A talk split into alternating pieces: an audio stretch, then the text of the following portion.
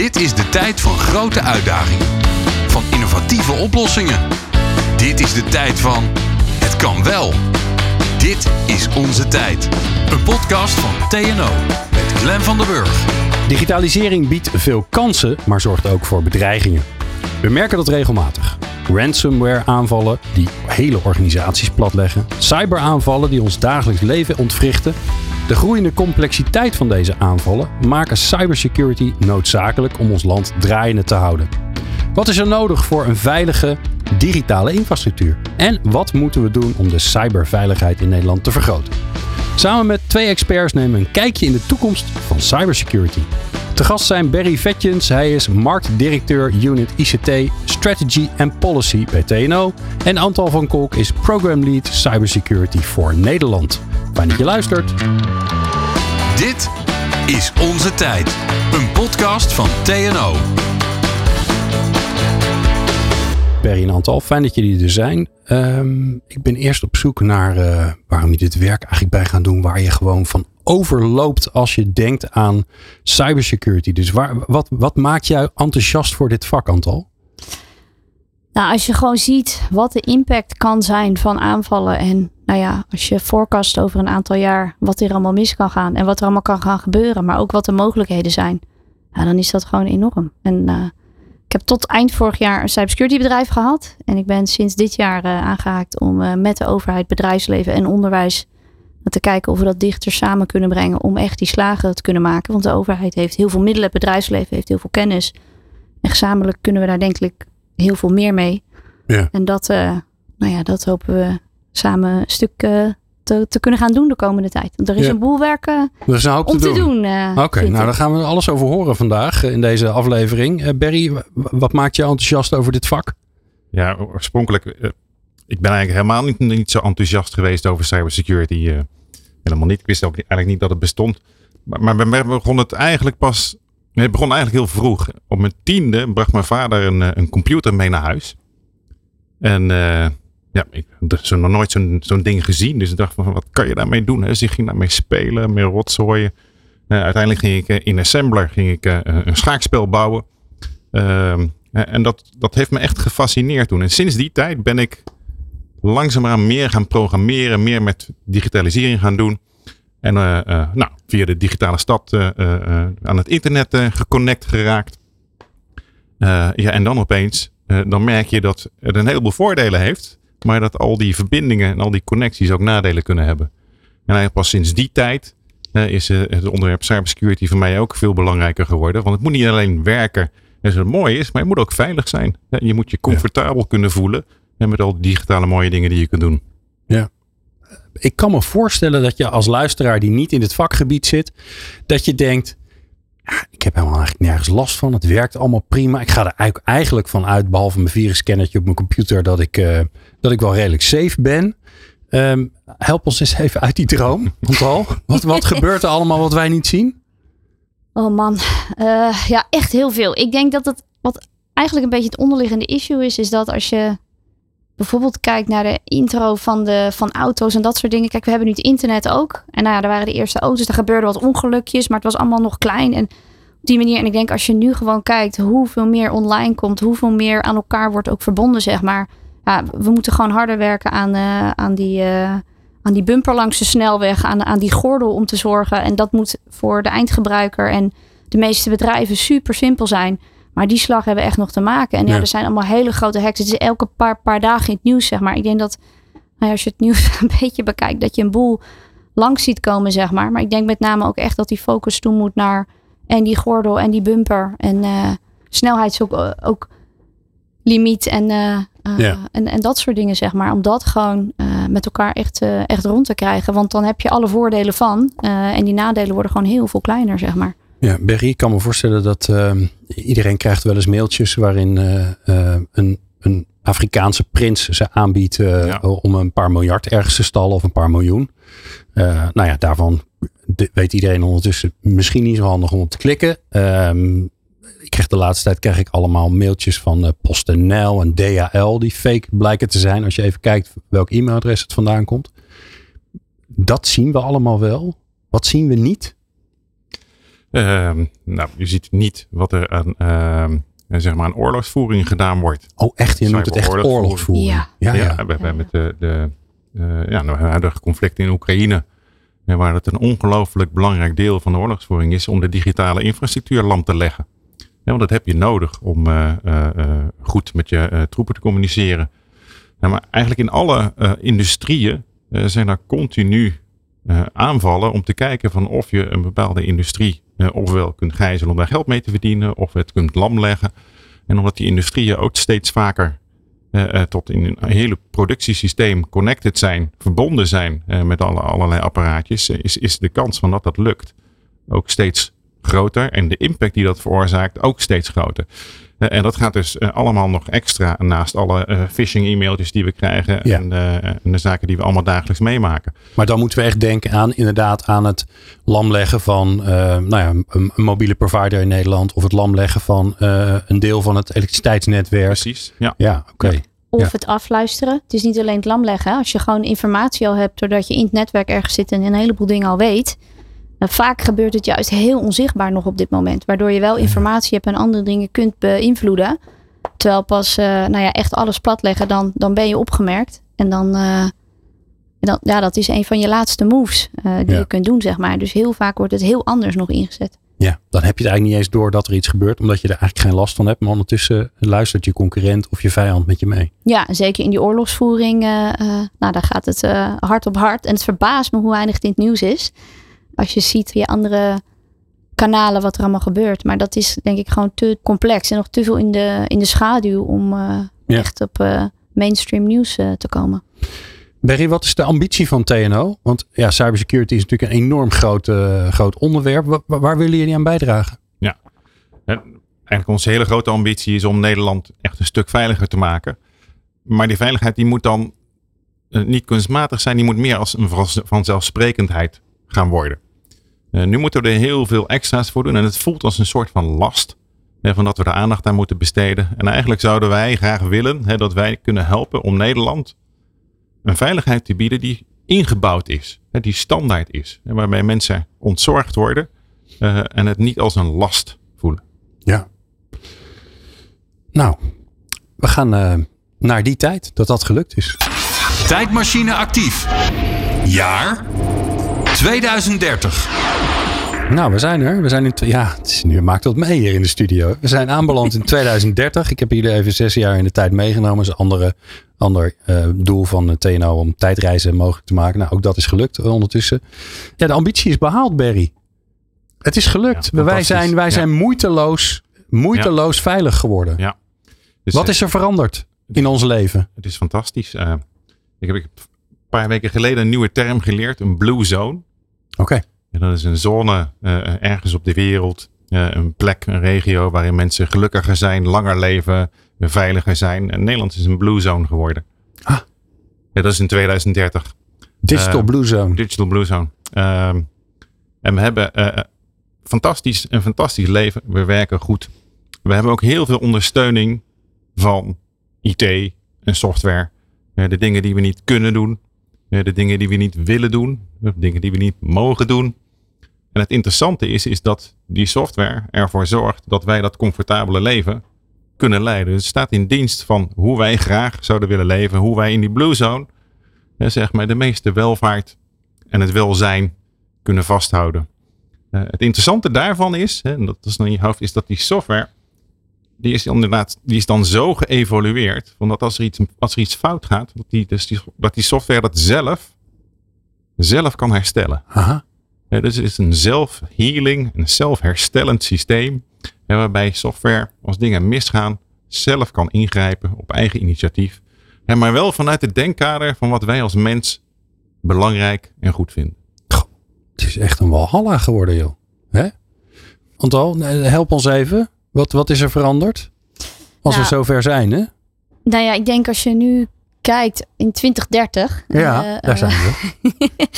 Nou ja, de grote eh, transities eh, die we de afgelopen jaren hebben doorgemaakt rondom energie en rondom zorg, waar natuurlijk cybersecurity en privacy key dingen zijn om, om in mee te nemen, dat is ook daadwerkelijk meegenomen. Dus dat houdt in dat wanneer we naar een heel ander net gaan en naar een hele andere zorginrichting ook, dat dit soort dingen zijn zijn meegenomen daarin. En dat we niet nu heel hard aan de slag moeten om daarmee aan de gang te gaan. Maar dat we dat, we dat eigenlijk vanaf het begin hebben, hebben meegenomen al. En dat we daar dus ook de, de vruchten van plukken. Ja, ja en het, het, het, het voelt een beetje alsof het een soort uh, hygiënefactor is. Hè? Uh, cybersecurity. Dat je zegt ja, natuurlijk moet dat netwerk, hè, dat energienetwerk, dat moet veilig zijn. Uh, maar ja, los daarvan hebben we er niet zoveel voordeel aan. Wat, wat kunnen we zeg maar nu in 2030, omdat het ons gelukt is om al die dingen veilig te maken? Welke nieuwe dingen kunnen we veel sneller ontwikkelen omdat het zo is? Omdat we zo'n zichzelf helende, veilige in, uh, infrastructuur hebben. Ja, ik, ik weet niet wat we precies voor nieuw zouden kunnen ontwikkelen als ik op die manier denk. Ik denk vooral dat het heel veel energie vrijgeeft voor andere zaken, om zo maar te zeggen. Kijk, ik denk dat het eerder is wanneer het ons niet lukt, dat een aantal andere dingen gewoon niet kunnen. Dus ja. het is wel een soort van hygiënefactor hoe onsexy dat dat ook klinkt. Maar uiteindelijk heb je die basisinrichting denk ik wel nodig. Uh, net zoals bijvoorbeeld rondom de zorg. Die, niemand gaat voor zijn lol naar de, naar de dokter. Uh, tenminste, ik ken er niet heel veel. Maar dat dat op orde is, is wel key. En als je ja. dit soort dingen dus in de basis op orde hebt. En dus minder naar de cyberdokter of, of, of als er iets mis is op IT-vlak hoeft te gaan. Ja, dat geeft je denk ik wel heel veel lol en plezier en ruimte en energie ja. voor andere zaken. Het is leuk dat je de zorg noemt. Hè? Dus waar, waar ik gelijk aan moet denken is dat er, uh, daar hebben we ook nog een andere aflevering over gemaakt voor TNO, dat, dat er heel veel mogelijk is door het uitwisselen van gegevens. Uh, elektronisch patiëntendossier hebben we natuurlijk, hè? Maar, maar door alle data die we hebben te gebruiken, kunnen we natuurlijk heel veel meer nieuwe kennis ontwikkelen. Misschien zelfs wel nieuwe behandelmethoden of nieuwe medicijnen. Maar ja, als die veiligheid niet geregeld is, ja. dan wil ik als burger zeg je, blijf, blijf met je tengels van mijn data af. Nou ja, en ik denk dat het concept van dingen moeten veilig zijn en privacy ook van mensen is denk ik daarin wel key. Maar bedoel, je hebt gewoon mogelijkheden om door encrypted data heen te kunnen zoeken en daar onderzoek op te kunnen doen en op die manier verder te kunnen, te kunnen gaan, zeg maar. Maar dan die, die basislaag moet wel goed zijn, want anders kom je niet op dat punt, denk ik. Oké. Okay. Ik neem u, ja, het is een beetje vervelend. We zijn in Walhalla aanbeland, digitaal Walhalla. En uh, moet ik jullie weer terugnemen naar vandaag. Tijdmachine actief. Terug naar nu. Ja, we zijn weer in 2023 aanbeland. Uh, Zo'n ruim zes jaar voor 2030. Perry, wat zie je nu al gebeuren? Wat eigenlijk een soort voorbode is voor jouw, uh, ja, jouw Walhalla die je net hebt geschetst. Ja, wat we zien is, er wordt al ongelooflijk hard gewerkt aan uh, automatiseren. Uh, om cyberincidenten automatisch op te sporen. De impact ervan af te wegen en vervolgens ook onschadelijk te maken. Dat gebeurt, dat gebeurt nu al, dat zien we nu ook al. En dat is hartstikke goed, hè, want dat is een van de ingrediënten die je nodig hebt om uiteindelijk in dat 2030 Walhalla aan te komen. Dus daar zetten we heel hard op in met z'n allen. En dat heeft ook te maken met het feit van dat we gewoon niet genoeg mensen hebben. Zeg maar, om, uh, om alles aan te kunnen. Hè. Dus het is niet, niet alleen omdat we het interessant vinden, maar omdat het pure noodzaak is om hè, zeg maar, onze maatschappij draaiend te houden. Om een andere pad te kiezen dan we in het verleden hebben gedaan. En inderdaad, we hebben gewoon te weinig cyberdokters. En die gaan er ook niet genoeg zijn. Hè, dus we moeten andere alternatieven vinden. Maar dan denk ik gelijk, ja, die aanvallers die zijn ook niet gek. Die gaan geautomatiseerd aanvallen. Klopt. Ja, en, en dat is inderdaad de andere kant van de medaille. Het is niet alleen dat je de verdediging goed moet optuigen en dat je dan klaar bent. Nee, dit is wel ook iets wat continu aanwezig blijft. Ook de aanvallende kant innoveert. Uh, en sterker nog, die hebben over het algemeen wat minder terughoudendheid zeg maar, om gekke keuzes te maken. En als het gaat over privacy van gegevens, dan zie je aan de verdedigingskant wil je toch, wil je toch bij onze normen en waarden blijven. Uh, en dat is, een, dat is een groot goed. Maar aan de aanvallerskant uh, wordt dat uh, misschien wel een stuk minder nauw genomen. En dus dus ja. het, het, is ook van belang om het te blijven doen. En daarom is die adaptiviteit van, die, van die systemen ook ontzettend belangrijk. zodat ze zelf snel kunnen reageren, kunnen anticiperen. Om de aanvalskant ook voor te blijven. Ja. Antal, want ik, ik, probeer dan een soort plaatje in mijn hoofd te maken. Hè? Dat is, dan neem ik even Nederland. Daar zijn we eigenlijk al natuurlijk heel beperkt bezig. Want ja, waar houden de grenzen op? Nou, digitaal gezien is dat al heel ingewikkeld. Maar ik maak een plaatje van Nederland.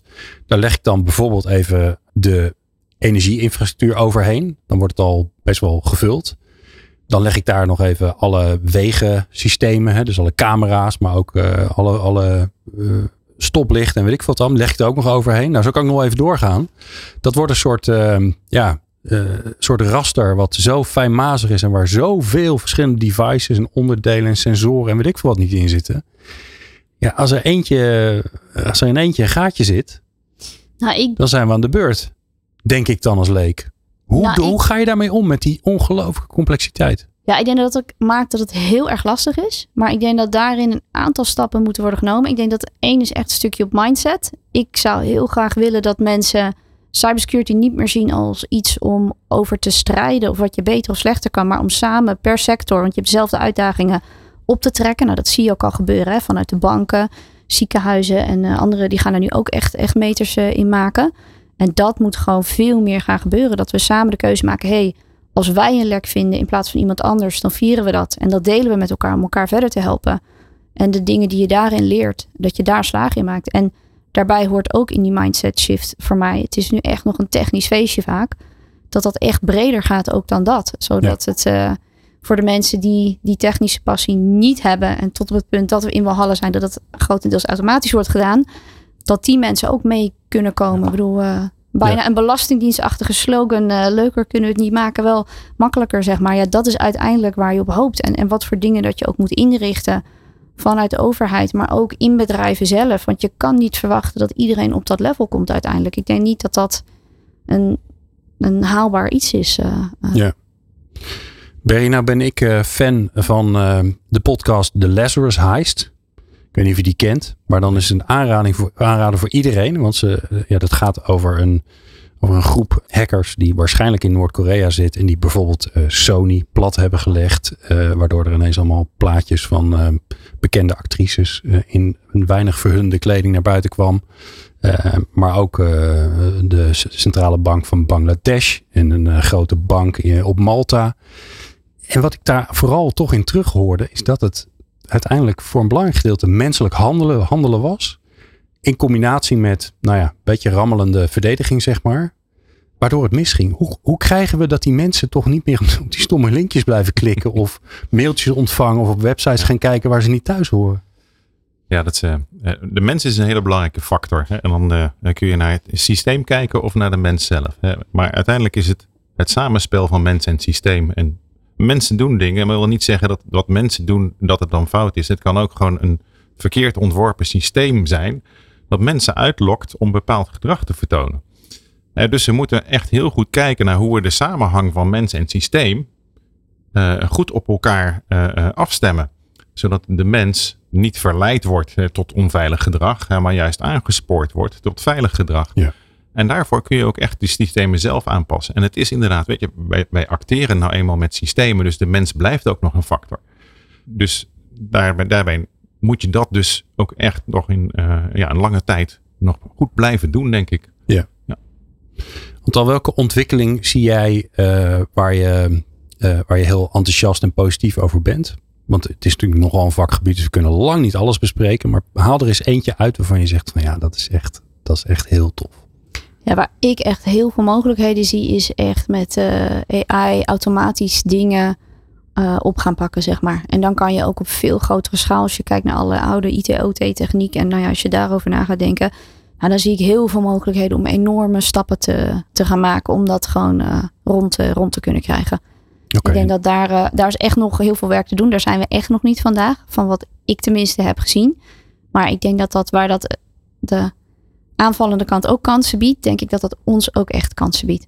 Ja, blijft toch een soort wapenwedloop. Hè? Zo klinkt het toch een beetje. Berry. Ja, dat, Ja. Is, Ja. dat is ook zo, ja. Ja. Ja. Haal jij dus een ander uit, Berry? Dus we hebben de AI-kant, die, Ja. hebben we, die hebben we een beetje gehad. Dat is dus interessant om naar te kijken. Wat, wat vind jij een mooie ontwikkeling? Eh, dat je kunt rekenen met, met data die versleuteld is. Dus dat je niet iemand echt inzicht in je data hoeft te geven, en maar dat eh, er een, eh, een vraag gesteld kan worden. En dat die vraag gesteld wordt aan een, een versleutelde eh, representatie van die data. Nou, dat geeft een veilig gevoel. En daarmee komen we tegemoet aan eh, van dat we willen dat er eh, vertrouwenswaardig met onze data omgegaan wordt.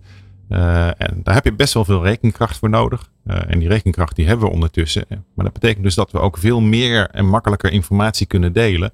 Onder andere informatie over kwetsbaarheden en waar dingen fout gaan. En dat is natuurlijk ook weer noodzakelijk om die AI goed te kunnen laten functioneren. En op de data delen, met name, met name dat rekenen met die versleutelde data, daar beginnen we hele grote stappen te maken. We hebben ook in Nederland een paar fantastisch mooie partijen eh, die, daar, die daar al diensten aanbieden.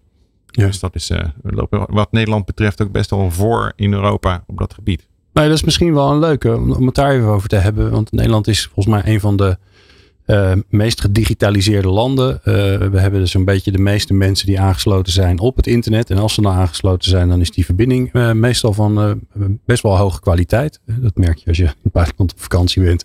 Je probeert even wat te retransferen. Nou, dan, dan weet je, denk je, oh ja, zo ging dat vroeger inderdaad. Moest ik heel lang naar dat balkje gaan zitten kijken. Um, hoe staan wij ervoor, Antal, in, in, in de wereld? Want ja, Nederland is ook maar weer een klein rotlandje.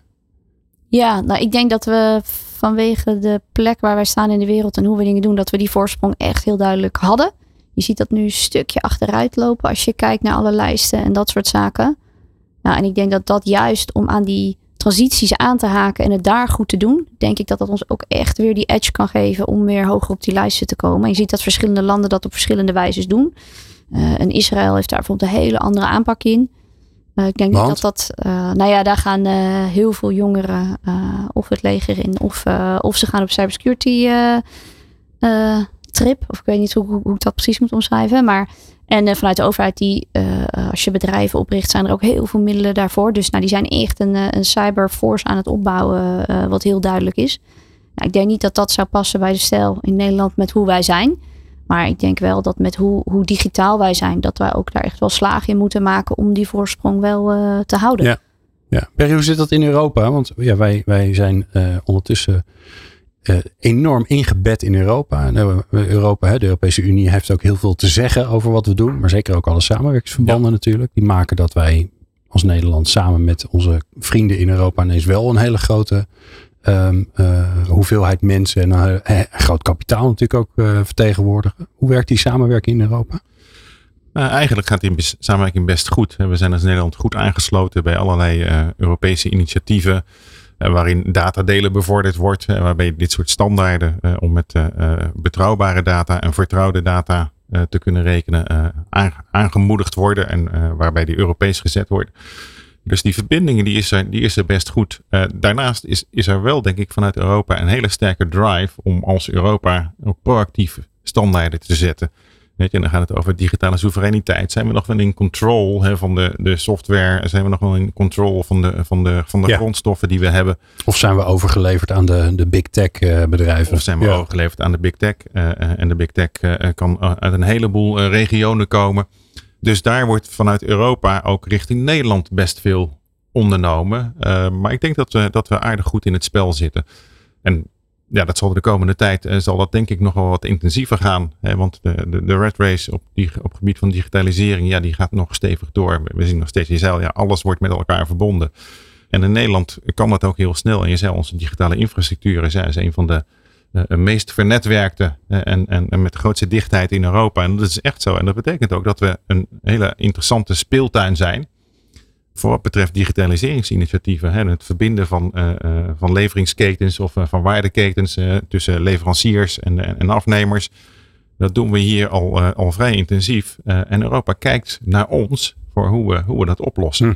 Dus dat is, ja, Volgens mij is het een heel interessant speelveld. En daar spelen als Nederland best een aardig woordje mee. Oké. Okay. En Antas, zijn wij dan ook, uh, als je even in, in, de huid kruipt van de, van de, van de vijand, hè, van, van onze, de mensen die misschien bij ons, uh, onze bedrijven en onze netwerken in willen komen. Zijn wij dan überhaupt interessant om, uh, om aan te beginnen? Of denk je nou, als, als dat je, stel je voor je bent Noord-Koreaanse hacker, dan denk je nou, Nederland slaan we even over. Want die hebben het zo goed voor elkaar. We kiezen wel even een ander ingangetje ergens. Ik denk dat ze al lang zijn begonnen. Ik wil niet vervelend zijn, maar ik denk dat dat, uh, dat al lang gaande is. En ja, als je kijkt uh, wat we in Den Haag hebben zitten aan een aantal rechtbanken en andere zaken. Ja, dan is dat heel interessant. Maar ook uh, het knooppunt hier van alle van alle Amsterdam, hè? Ja, ja, nou, ik, ja, ik denk dat dat al gaande is. En dan, ik denk dat je op die manier moet kijken, denk ik, naar een aantal lagen daarin. Ik denk als je kijkt naar het, gewoon de burgers en, en kleine bedrijven, dat is meer gewoon ransomware in, uh, gebeuren, zeg maar. Gewoon de, de, kleinere dingen. Maar als je kijkt naar uh, ja, gewoon uh, echt grote banken, grote overheidsinstellingen, grote EU.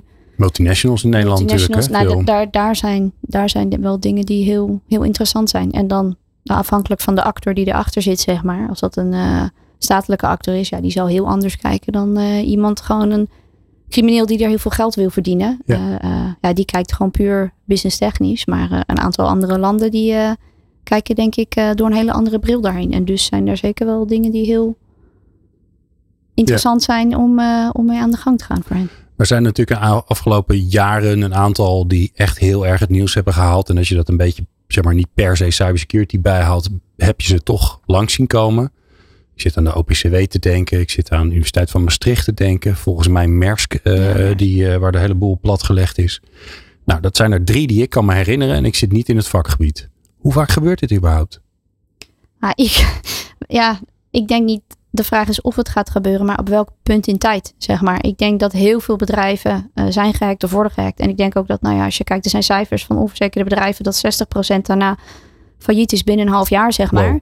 Maar dit is nog niet uh, we zijn pas aan het begin van de, van de golf, zeg maar. En dat maakt denk ik ook dat ik en Barry zo, zo drijf hebben om in de combinatie met het, het, het, het bedrijfsleven wat we hier hebben en overheid om daar slagen in te gaan maken. Uh, uh, en dat, dat biedt gewoon heel veel kansen. En wederom, het is de hygiënefactor. Dus het is niet een heel aantrekkelijk verhaal altijd, denk ik. Maar dat je dit gewoon op orde hebt, ja. is denk ik wel key. En hier is preventie echt zoveel meer waard dan handelen als het is gebeurd, zeg maar. Ja, 60% van de aangevallen bedrijven, succesvol aangevallen bedrijven failliet gaat, dan is dat nog wel een ding zeg. Ja, en die cijfers die wisselen een beetje hoor, afhankelijk van onderzoeken die je leest, maar de, die nou ja, grootte zit daar, uh, zit daar De helft ja. of meer, van de, meer dan de helft. Dat is, dat is allebei veel, zeg ja, ik dan maar. Van de MKB-bedrijven, dat moet ik wel even goed erbij zeggen. Ja, ja nou ja, dat, dat is de grootste werkgever in Nederland, hè, dus uh, het is nogal een dingetje. Klopt. Alright, uh, we hebben altijd tijd tekort. De tijd tikt. Is onze tijd. Ja, de tijd tikt. We, hebben zoals altijd haast uh, bij dit soort dingen. 2030 lijkt ver weg, maar is dichtbij. En zeker bij dit vraagstuk, want ja, uh, het is er al. Uh, het zal alleen nog maar exponentieel toenemen. Dus we moeten een hoop gaan doen.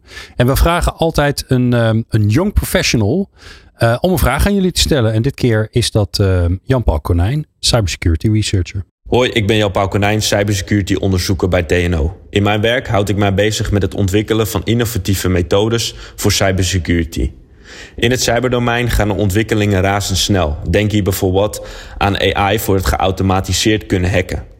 Tegelijkertijd worden we ons bewust van het feit dat vitale infrastructuur tijdens een cyberoorlog een belangrijk doelwit kan zijn. Cybersecurity is echt iets wat je niet alleen doet als TNO en samenwerking is dan ook van belang, zowel nationaal als internationaal.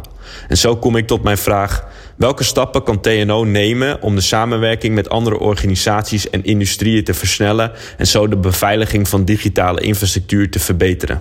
Zo. Nou, Berry, eenvoudig vraagje van uh, Jan-Paul, of je dat even wil oplossen. Ja, nou, het is super fijn dat die vraag komt van uh, Jan-Paul, want uh, dat is ook de reden waarom ik Antal hier uh, mee naartoe heb genomen. Wat we als TNO doen is heel actief uh, proberen om een heel aantal industrieën met elkaar te laten samenwerken. En daar heb je spelers bij nodig hè, die zich juist daarvoor inzetten. Het verbinden van industrieën hè, rondom een bepaald onderwerp, in dit geval cybersecurity. En Antal werkt bij de organisatie Decipher, uh, die vanuit de overheid gestart is, maar met alle stakeholders probeert om innovatie in cybersecurity te stimuleren. En uh, uh, Antal is specifiek bezig hè, met het samenbrengen van de vraag uit verschillende sectoren. Het samenbrengen uh, van de vraag uit verschillende industrieën. En de industrieën te laten samenwerken. En dat is iets wat wij als TNO aanmoedigen. En we hebben dus ook geholpen om dat hele proces in gang te zetten en om het programma op te starten. Ja, Antal, waar ik gelijk aan zit te denken is, het is ook big business. Hè? Dus ik denk maar even aan een ander deel van, uh, van risico's weg, uh, wegnemen in organisaties zoals verzekeringen. Dat is gewoon, ja, dat is een enorme markt voor. Dat is, zal er voor cybersecurity ook zijn. Hoe zorg je er dan toch voor dat je niet verdeeld raakt en ja, uh, bepaalde slimme technologieën voor jezelf houdt, terwijl dat iedereen zo, zoveel baat zou kunnen opleveren? Nou, ik denk dat dat heel erg linkt aan die mindset die ik hiervoor ook zei. Dat cybersecurity een, een, een, een common goed moet worden. Een, een, een, iets van iedereen, zeg maar. En ik denk ook dat de mensen die echt diep in cybersecurity zitten, die delen dat ook wel. Bijvoorbeeld alle SOCs in Nederland, die zijn al bezig om threat intel uit te wisselen. Die afspraken, daar zijn ze nu aan de achterkant ook mee bezig om dat verder in te richten. Vanuit een werkgroep, vanuit Cyberveilig Nederland. En op die manier worden ook al stappen gemaakt. Het feit dat er vanuit CS4NL, wat ik dus leid, er zitten 17 clubs achter. Dat zijn alle topsectoren. Die geven allerlei industrieën weer, maar ook uh, onderzoek en onderwijs zit erin. Maar ook de ROMs, de kleine bedrijven. Die willen allemaal samen hiermee aan de slag, omdat ze die noodzaak daarvan zien. En eh, is dat nog een zoektocht? Eh, eh, ja, af en toe. Maken we daar ook slagen in? Ja, ik denk het ook. Maar ik, ik nou, misschien ben ik te optimistisch van aard. Maar ik, ik denk echt dat, we, dat de mensen die hier echt dieper in zitten ook zien dat we die slagen moeten maken. De banken werken samen. Nou, die concurreren elkaar de tent uit op een heleboel andere vlakken. Maar die doen dat bijvoorbeeld ook in het Tiber-programma. Nou, zo zie je dat over meerdere sectoren gaan dit soort voorbeelden komen en opgroeien. Omdat uiteindelijk is het belangrijker dat je als sector overeind blijft. Uh, dan, dan dat je hm. elkaar op dit punt de tent uitvecht. En dan kan je ook concurreren op 101 andere dingen, denk ik. Maar ik denk dat dit. Uh... Maar heeft dat misschien er altijd ingezeten? Dat, dat delen van informatie met elkaar? Nee, hè? Ook... nee helemaal niet. Nee. Ik denk dat juist als je werd gehackt uh, of het ging, het ging nog net goed, dan hou je dat juist stil. Want ja, wat, wat zouden je klanten daar wel ook van denken? Ja, dat, dat, kan ik me voorstellen. Maar zeg maar in, in, de, in de cybersecurity community, zeg maar pre, uh, pre uh, zeer uit, uitgerold internet. Toen we nog een virusscannertje op onze computer hadden en dat was het dan wel. In die tijd werd er toch ook al van alles nog wat uitgewisseld. Als er weer een nieuw Trojan Horse virus was, dan die, die, die structuren die waren er toch ook al. Bedoel uitwisseling tussen wie? Ja, tussen de mensen die zich bezighouden met het beschermen van ons allen tegen cyber, cyberthreats. Ja, tot op zeker niveau ja, maar er is, er is een gestructureerde aanpak nodig om dat denk ik goed en efficiënt ook te kunnen doen. En dat wordt vanuit de overheid nu ook enorm aangemoedigd. Maar gewoon onderling professionals die het een en ander uitdelen, ja, dat, dat is een eerste slag. Maar we moeten naar een hele andere schaal toe, willen we dit gewoon structureel goed inrichten. Dus ik denk dat we daar aan de achterkant ook heel erg mee bezig zijn om te organiseren, om dat uh, goed goed te kunnen doen. Ja, nou hebben jullie allebei al een paar keer uh, allerlei uh, oorlogstaal in de mond genomen. Dus niet omdat, maar dat, dat geeft wel een beetje het ook aan wat er gaande is, wat we eigenlijk als normale nietsverboedende burger of geïnteresseerde in dit gebied niet echt zien.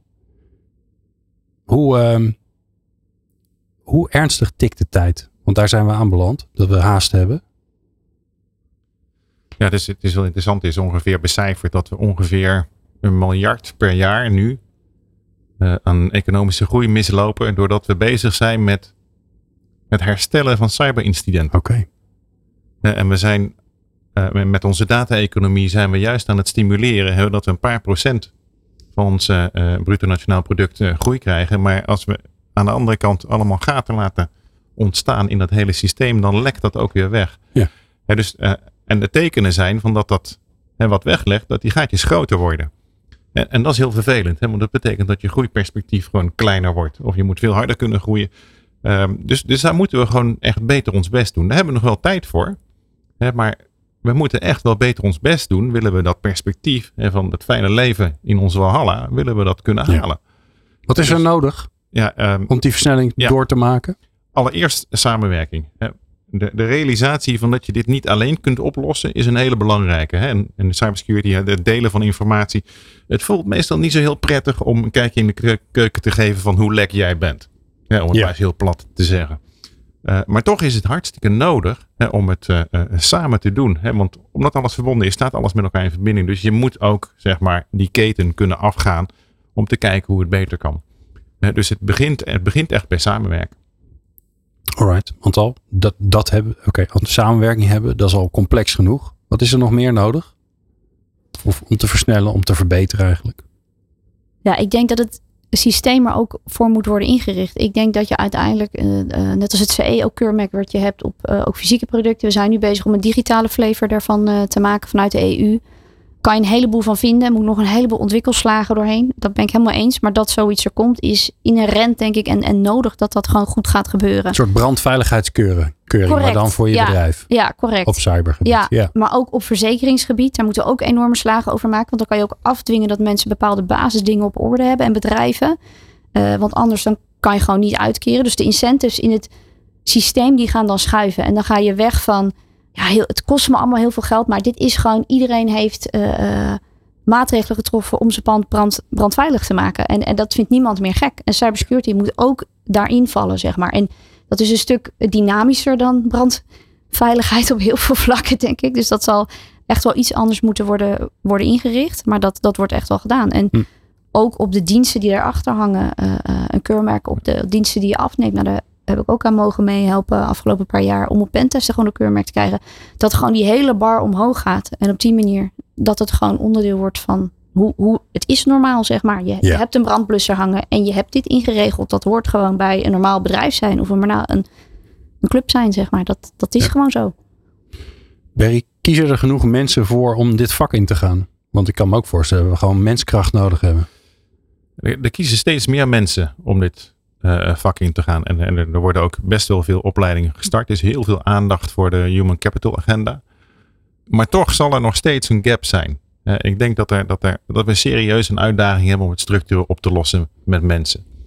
Eh, en dat moeten we zeker blijven doen. Dus blijven investeren in dat eh, eh, menselijk kapitaal. We moeten ook die mensen hier kunnen houden. Zorgen dat ze niet wegrennen naar de eh, grote landen hè, waar de big players zitten. Ja.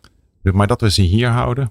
Maar we zullen ook moeten kijken naar andere manieren. Hè, door werk wat mensen nu doen weg te halen. En door systemen te laten doen. Dus de, de samenhang van mens en systeem gaat hier veel inniger worden. En dat is ook iets waar we met z'n allen in moeten investeren. En dat systeem moet ook ontworpen worden. En dat geldt. Weet je, daar heb je ook weer andere mensen voor nodig en andere skills. En daar moet je ook in investeren. Ja. Maar mensen eh, zijn natuurlijk wel een hele belangrijke factor. En blijven een hele belang- belangrijke factor. Dus ja, daar moet je heel veel aandacht voor blijven hebben. Want al doe eens een oproep aan de, aan de luisteraar die nog denkt van nou, ik weet niet zo goed wat ik ga doen met mijn leven. Waarom zouden ze dit vakgebied in moeten? Nou, Ik denk als je het heel erg leuk vindt om allerlei puzzeltjes op te lossen. En om, eh, als je daar heel, heel blij van wordt en, een en je bent een beetje vol, volhardend. Nou, dan kan die, die technische hoek echt super leuk zijn. Maar ik zou ook juist de mensen met hele andere achtergronden die mee kunnen nadenken hoe te nudgen en hoe die combinatie goed te maken. Dus die, die echt veel meer kijken naar mensen en gedrag en dat soort zaken. Wa- Wanneer klikt iemand nou wel of niet? En hoe kan je daar nou dingen slim voor inrichten? Ja, die zou ik ook echt heel graag willen aanmoedigen om, eh, om dit veld in te gaan. Want ik denk dat we daar eh, op techniek hebben we een boel nodig. Maar op dat vlak, daar kunnen we ook echt enorm winnen, denk ik. Nou Barry, mag jij afsluiten met de oproep waarom zouden ze dan bij TNO moeten gaan werken en aan, aankloppen? Dit soort le- leuke mensen. Ja, Het on- ontzettend leuke aan TNO is dat we die verschillende bloedgroepen gewoon aan boord hebben. Eh, We hebben de psychologen, we hebben de eh, eh, technologen. en die werken samen in multidis- multidisciplinaire teams aan dit soort uitdagingen. Dus ja, als organisatie die zich bezighoudt met cybersecurity is dat denk ik voor een, voor een aankomend werknemer super interessant om in, in te beraken. Ik dank jullie beiden zeer. Je, je luistert naar Barry Vetjens. Zij is marktdirecteur Unit ICT Strategie en Policy bij TNO. En Antal van Kolk van Cybersecurity voor Nederland. Dankjewel voor het luisteren naar Dit is onze tijd. Een podcast van TNO. Wil je meer weten of luisteren? Ga dan naar tno.nl slash podcast Dit is onze tijd. TNO. Innovation for Life.